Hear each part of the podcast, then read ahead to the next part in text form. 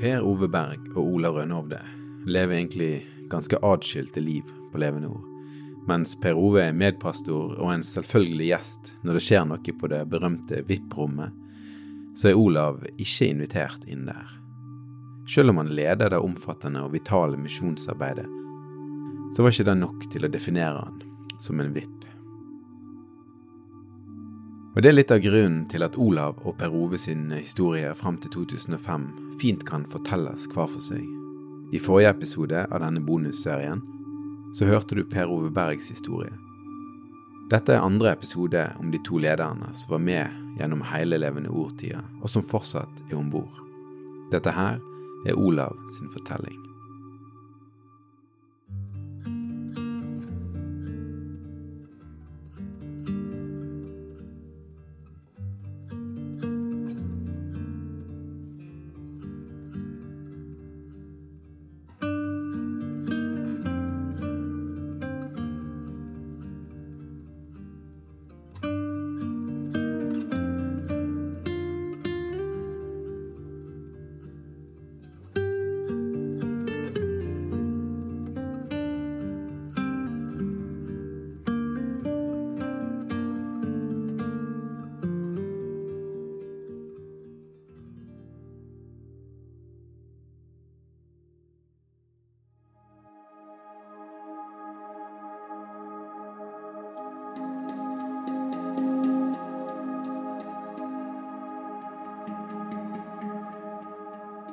Mens eh, Per Ove har bakgrunn fra Den norske kirke, så er Olav vokst opp som en minoritet i minoriteten av en minoritet i bygda Vaksdal, en liten times kjøring øst for Bergen sentrum. Han var ikke bare en del av den eneste småbarnsfamilien i Vaksdal pinsemenighet, og stakk seg sånn sett ut både i lokalsamfunnet og i pinsemenigheten. Men familien hadde dessuten fått ferten av de karismatiske vibrasjonene som bevegde seg annet i Saronsdal, der Arild Edvardsen holdt til. Men eh, Olav forteller at det var så kontroversielt i den konservative pinsemenigheten at eh, de etter å ha besøkt Saronsdal fortalte at de hadde vært på sommerferie på Sørlandet. Så her får vi en liten smakebit av noe av spenningene i pinsebevegelsen på denne tida. En spenning som beveger seg langt inn i andre kirkesamfunn òg.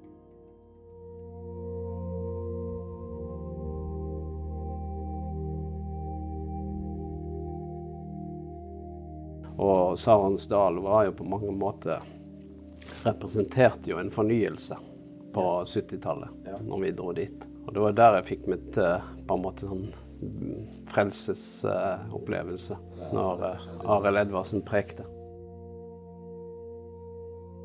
Jeg husker preken ennå. Jeg var 13 år.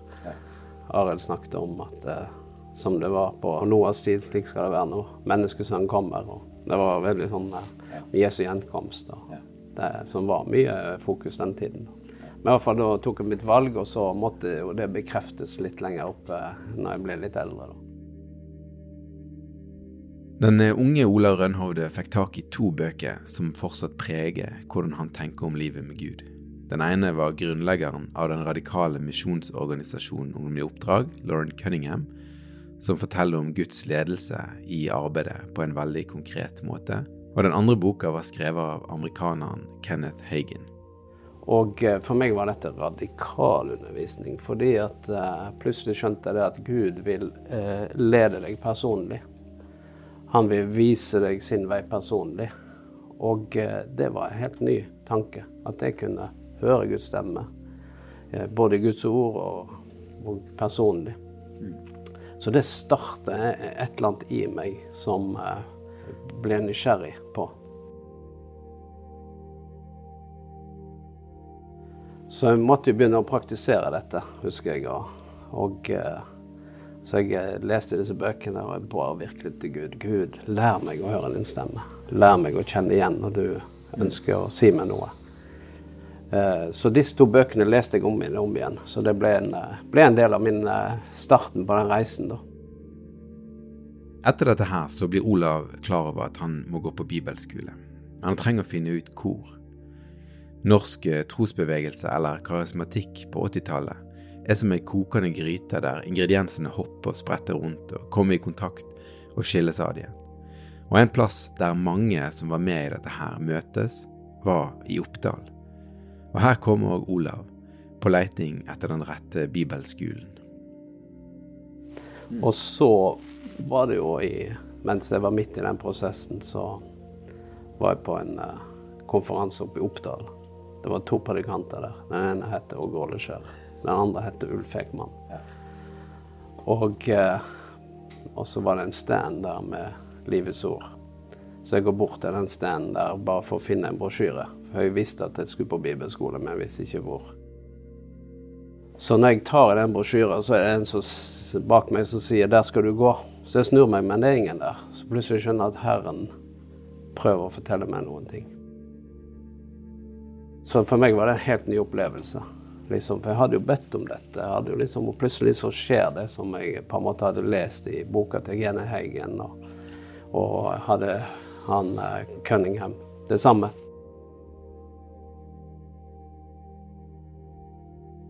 Det er ikke siste gang at du hører Olav fortelle om å ha hørt en tiltale fra Herren.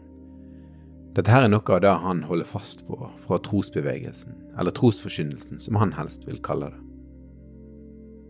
At Gud er så nær og så levende at han kan snakke, tidvis hørbart, til den som vil lytte. Og selvfølgelig òg at han kan gripe inn, enten det er kunnskapsord, helbredelse eller andre overnaturlige måter. Det var dette som greip fast både han og Per Ove i utgangspunktet, og da verner de om som om det er rent gull. Det var dette som greip de i starten, og det holder de fast på den dag i dag.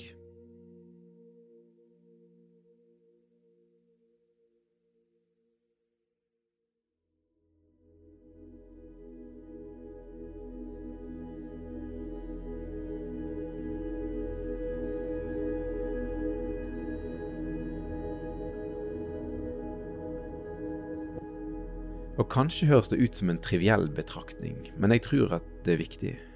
For det er vel dette som er kraften i lengselen på 80-tallet, og som fortsatt er det i dag.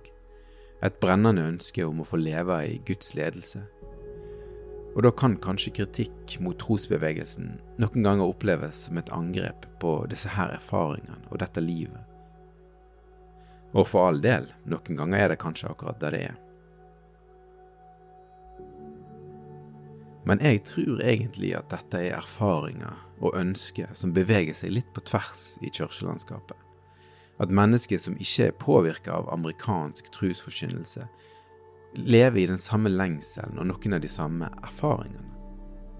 Jeg vet ikke, men det virker som en viktig betraktning for meg. Uansett, Olav kommer til Livets Ord i Uppsala i 1986. Han forteller om denne tida som om det var en slags læretid i det å stole på Gud i hverdagen. Han kan dra ut på reise uten å vite om han har penger til returen. Og da eh, skjer det ting der som gjør at jeg bare får de pengene jeg trenger for å komme tilbake igjen. Så det var sånne opplevelser mer og mer, så jeg skjønte at Herren prøvde å lære meg noen ting. At jeg skulle stole på Han på alle livets områder. Så det var på en måte starten eh, for meg i, i, denne reisen. Var det noen ganger du opplevde at uh, på en måte det, det, ikke gikk sånn som du hadde tenkt? Altså, stort sett så var det sånn faktisk ja. på den tida der. At, uh, at det, det, skjedde veldig mange ting som, som jeg ikke kunne ha styring på. Da.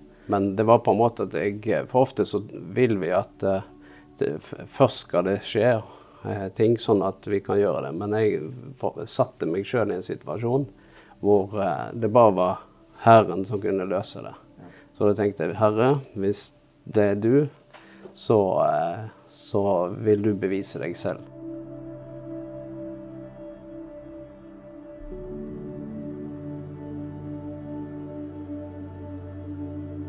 Jeg prøver å forstå litt mer av hvordan Olav eh, sjøl forstår denne avhengigheten av Gud.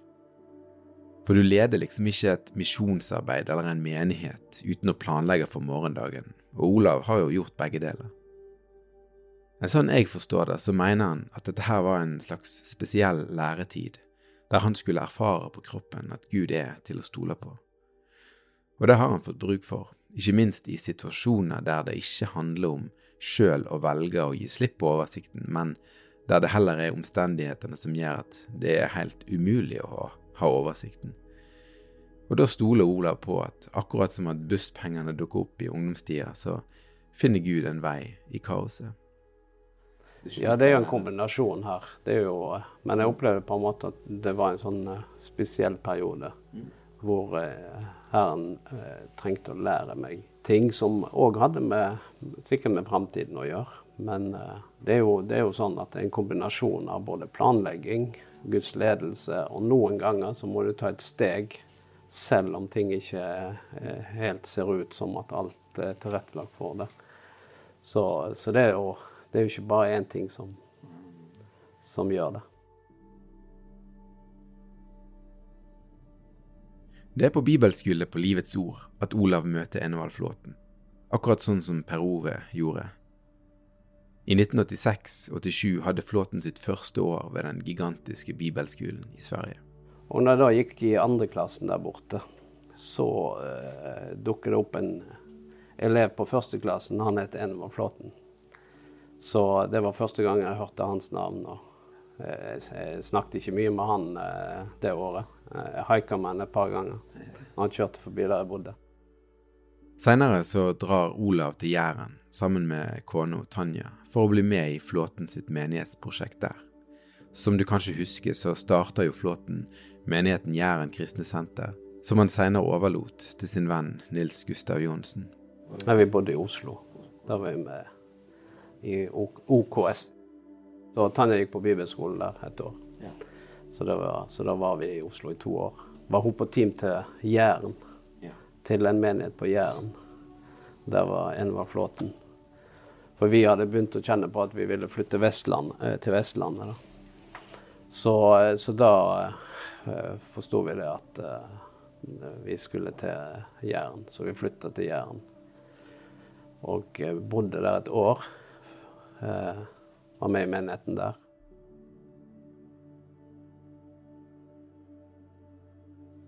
Det var et kultursjokk å komme fra Oslo til Jæren, kan jeg bare si deg. Både miljø og lukt og eh, Og menighet. Sant? Du vet, uh, vi kom fra jeg, jeg husker da begynner jeg fikk jo ingenting ut av lovsangen. Fordi at uh, jeg kom jo fra OKS. De ga jo ut CD-er og greier. Det var jo profesjonelt. Og så kom jeg ned, ned til Jæren. Der var det eh, gitar, det var nylonstrenger og plekter. Du kan bare tenke deg når du skal spille rytme med det. En fele som var halvrein og, og eh, Nei, det var det. Så jeg tenkte liksom For jeg ja, for jeg hadde jo leda lovsang mye sjøl. Så for meg så var det skikkelig brytning. Sleit med å henge, henge med på. Men det kom seg, da. Eh, året etter. Da fikk de litt uh, mer tak på tingene. Så. Så, men jeg så jo det at jeg var i et pionerarbeid. Hvordan var møtene? Ja, de, de var, Det var, varierte jo. Men det var jo veldig naturlig at det var eh, lange møter. Mye forkynnelse og betjening etter møtene. Og eh, var forbønn og, og, forskjellige ting. Det kunne være innvielsesmøter og overgivelsesmøter. Og, og eh, det kunne være sykdom og andre ting. Så, så det varierte jo. Du har kanskje hørt meg si dette her før, men for meg er overgangen fra Jæren kristne senter og visjonene der til å plutselig skulle starte i Bergen et litt dramatisk skifte i denne historien her. Det er som en historie som plutselig endrer retning på en måte som ikke er helt i skriptet. For Flåten drar for Jæren i 1991 for å gå på bibelskole i Uppsala. Og så kommer han på sett og vis aldri helt tilbake igjen.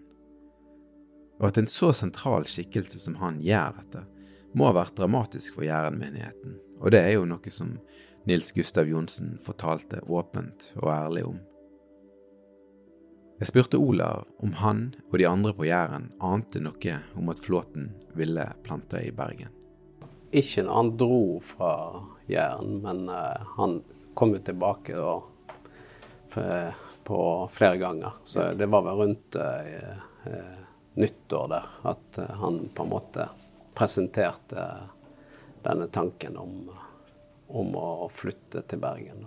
Ja, ja. Så da spurte han meg om jeg ville være med. Så han spurte deg direkte? Og, ja, kom til meg og spurte vil, vil, blir du med til Bergen. Så, så, så jeg trengte ikke be over det, egentlig. Du var klar? Jeg var klar.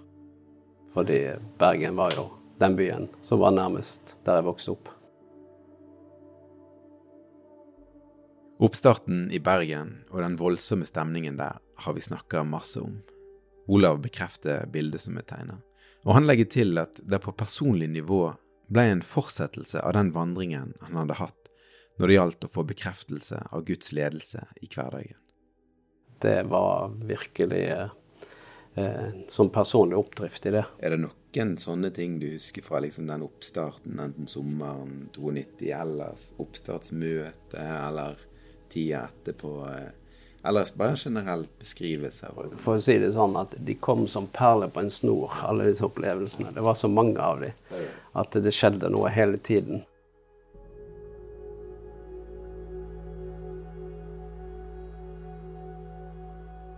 Og akkurat som Per Ove forteller Olav at han ble vist stor tillit og fikk reise rundt med Enevald Flåten på hans mange turer. Olav organiserte turer og fikk i 1997 rolle som misjonsleder. Ja, så arbeidet begynte jo å vokse. Og eh, det er klart at jeg har litt sånn administrative gaver i tillegg, da. Sånn at eh, eh så, så da ble jeg jo utfordra på om, om, jeg kunne tenkt meg å, å, å, ta ansvar for det. Så, så da gjorde jeg det. Og, eh, og, da Vi sendte jo ut Jeg tror vi hadde 14, altså syv ektepar ute på misjon. 1998 utover at vi begynte å sende ut misjonærer. Vi hadde et par på Filippinene fra før. Og så økte det på. Og jeg tror på den meste så var jeg oppe i en 12-13-14 bibelskoler rundt omkring i Afrika, Asia, Ukraina hadde vi bibelskole. Så det var jo ekstremt mye som foregikk på, på den tiden. Da. Og det var jo på en måte at samtidig som menigheten vokste, så så jeg at eh, disse tingene vokste òg. Noen ganger så var det jo at folk kjente på et kall, andre ganger var det at vi utfordra folk til, til uh, ting vi så. Det er kanskje lett for noen å slå seg til ro med at levende ord bare var store ord og store visjoner. Men det var det jo ikke. Man fikk til masse, og misjonsarbeidet er noe av det som stikker seg ut når det gjelder omfang og aktivitet. Som vi har hørt, så kom det i gang allerede på Jæren, og det fortsatte. Og For Olav var tida som misjonsleder en veldig fin tid. Og det er verdt å merke seg at denne stillingen gjorde at han ikke fikk den sentrale posisjonen i miljøet på Øvre Kråkenes. Og det gjorde igjen at han kanskje ikke merka endringen så tidlig eller tydelig som de som tilbrakte mer tid på plassen. Hvordan var det å være en leder i eh, Levende Ord? For du hadde jo en, sånn som jeg hører det i hvert fall, du hadde sikkert en, balansert syn på, på, på liv og tjeneste og sånt, men det var jo veldig sånn Du hadde jo en Det var en positiv drive. Og så på et eller annet tidspunkt så merker du at det òg er noe som ikke er akkurat sånn som det skal være. Nei, jeg, jeg eh, vil si det sånn, jeg hadde jo drømmejobben. Jeg fikk dra rundt omkring hele verden. Misjonsturer og oppleve ting. Og, og eh, så, så, jeg hadde det jo veldig bra. Det betyd, men det gjorde òg at eh, jeg var ikke så inn i hverdagen her. For jeg var, hadde og hadde veldig frie tøyler også. Og tillit til det deg leder fra, fra Enevas side. Og, og så, så, så jeg hadde det veldig bra, egentlig.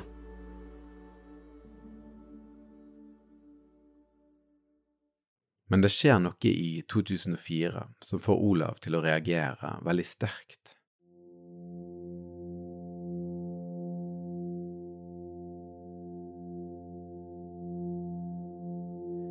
Han forteller meg at flåten sa negative ting om et par navngitte personer, folk som ikke sjøl var til stede. Og dette er noe som jeg har fått bekrefta fra mange andre at kunne skje i denne tida. Og det er tydelig at dette bryter med forventningene Olav har på det tidspunktet, og han forsøker å ta affære.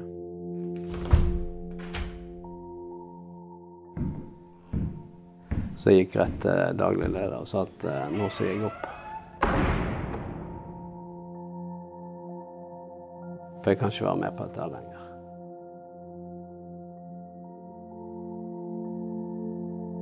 Det her går, sånn går ikke det an å holde på, Så, jeg.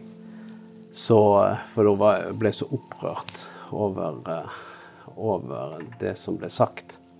Dagen etter så kommer Per Ove og, og daglig leder på kontoret mitt og, og sier, overtaler meg til å fortsette. Men for meg så var det en reaksjon på et endringsmønster som, som jeg så bare økte. Og, og, i de årene etterpå, fra 2004, jeg fortsatte jo da. Som du hører her, så kommer ikke denne situasjonen helt ut av det blå. Det er en reaksjon på noe som har endret seg. For Olav oppleves det som at han havner litt i fryseboksen etter denne hendelsen her. Men andre ganger kunne han oppleve at flåten tok hans irettesettelse bedre. Så så jeg på en måte at det, det var noe som hadde endret seg i hans liv, som gjorde at eh, Jeg klarte ikke helt å gripe det, men det var tilfeller hvor en snakket ned folk. og Et par ganger så gikk jeg til Enevald og sa Enevald, sa jeg. Det, det, du satt og sa der, det, det må du rydde opp i. Og han gjorde det, da. Begge tilfellene som jeg liksom påpekte. Så gikk han og rydde opp etter seg. sånn. Så, så jeg, jeg, hadde såpass direkte samtale med han. Og vi hadde hatt noen eh, konfrontasjoner før òg, hvor jeg satte foten ned. Det ble jo litt avstand en periode, da, vil jeg påstå. Fordi at eh, Jeg skal ikke si jeg hadde en sånn pedagogisk tilnærming, men jeg sa veldig tydelig ifra. Eh, og, eh, og, da merka jeg at eh, det gikk noen måneder der hvor, hvor vi ikke hadde noe no normal kontakt. Olav forteller meg at når han merka at noe hadde endret seg i flåtens atferd, så virka det ubehagelig kjent.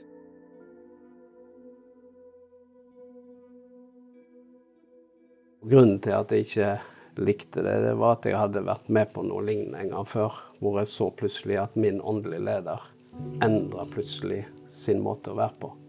Veldig rask utvikling da viste det seg jo det at den lederen eh, holdt på med ting som åndelig leder ikke skulle holde på med.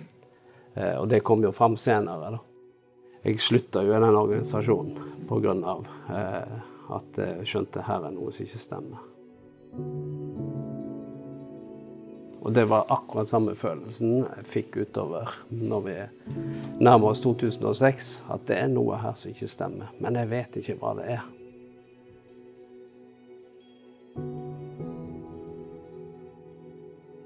Det var liksom Jeg fikk ikke satt fingeren på det. Så eh, ja.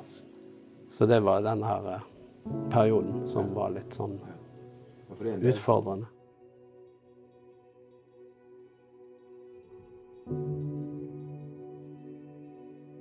Jeg husker at jeg snakka med noen om akkurat denne perioden her, mot slutten, fram mot kriseåret. Og de fortalte om en slags dobbelthet på den ene sida så var det så masse som fungerte bra. Du kunne kanskje sagt, eller det kunne sett ut som at Levende Ord fylte stadig mer av visjonen sin, og dette her ville en gjerne verne om. Men, og dette her stusser jeg litt på, det var samtidig en klar tanke hos en del om at det måtte komme en justering, noe måtte skje. Det er kanskje ikke så rart, men det er noe med det som høres så avklart ut. Og jeg har tenkt litt på at da levde i menigheten, men at det ikke fløyt opp til overflaten eller fikk konsekvenser. Det får meg til å tenke at systemet må ha vært veldig motstandsdyktig mot kritikk. Og jeg kommer på noe som den anonyme kvinna eh, Mari fortalte meg. Du vet, hun som snakker om at man kroner Enevald Flåten til konge gang på gang. For hun snakket om at lederskapet og relasjonene der var på en sånn måte at det var en avstand mellom alle. Og jeg føler meg eh, nokså trygg på at hun er i en god posisjon til å gjøre denne betraktningen, så jeg legger litt vekt på den. Hvis det bare er litt avstand mellom de som er i lederskap, så går en glipp av de små justeringene eller kalibreringene som en ledergruppe kan gjøre for en kultur. Og da kan ledere kanskje gå med den type bekymringer som Olav gir inntrykk av her, uten at de får konsekvenser. Og hvorfor ble det sånn? Var det en villa situasjon? Jeg har i hvert fall fått masse å tenke på etter å ha snakket med Per Ove og Olav, ikke minst om en del av det som du ennå ikke har fått høre om, og som handler konkret om kriseåret 2005-2006. For begge hadde vært med i Levende Ord fra starten av. Begge hadde reist masse med Enevald-flåten begge hadde fått sentrale posisjoner i menigheten. Og begge forteller meg at de etter hvert fikk stadig større bekymringer som sa at noe var galt. Men alt dette til tross så kom det aldri til et punkt der de to, sammen med andre, fikk vite nok om hverandre til at de kunne få momentum til å endre noe.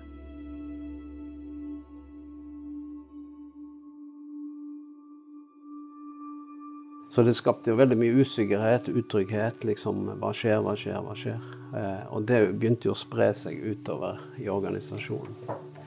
Eh, og jeg vil jo òg si at eh, av og til kan jeg få inntrykk av at eh, det var sånn at de var så lojale, og at lo eh, lojaliteten gikk for langt. Ja, det kan være eh, noen ganger at den gikk for langt.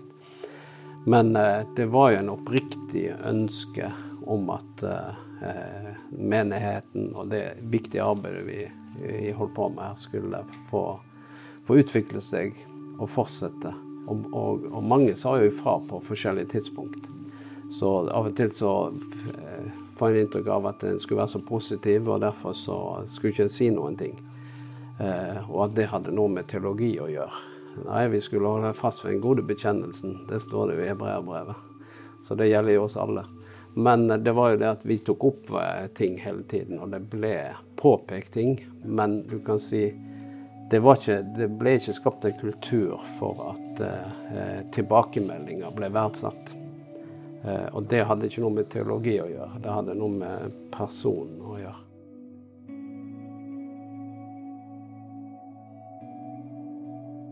Ja, det hører jo stadig vekk. Ja, men vi sa, vi sa fra, jeg sa fra, eller den sa fra? Nei, det, det var jo det. At ting fortsatte likevel.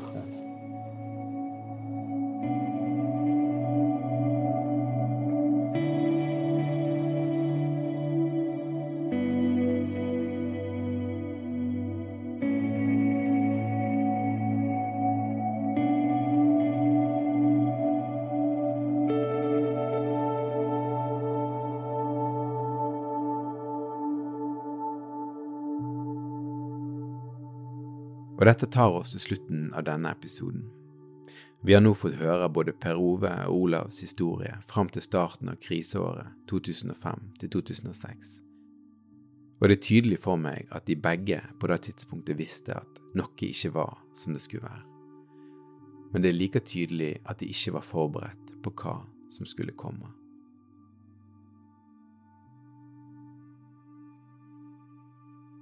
Og så plutselig så hører jeg den samme røsten som hadde vekt meg på natta, si Du kommer til å lede dette arbeidet. Nei, sier jeg. For plutselig skjønte jeg at den setningen innebærer at eh, når du blir utfordra, så må du svare ja.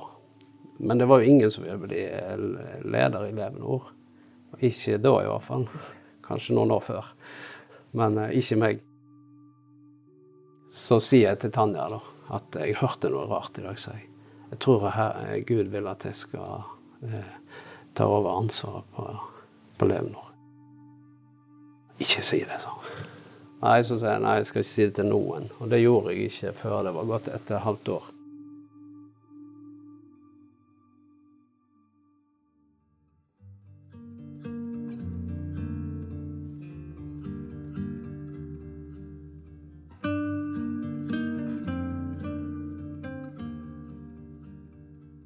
Har lyttet til en bonusepisode av podkasten Levende ords vekst og fall, en podkast fra dagen. Idé- og reportasjeledelse Vebjørn Selbekk. Klipp og lyddesign Miriam Kirkholm. Grafikk og sosiale medier ved Simon Sætren. Foto, lyd og video under opptakene i Kredokirken. Journalist Herman Fransen. Konsulent Christian Marstrande fra Lyder Produksjoner. Jeg er Eivind Algerøy.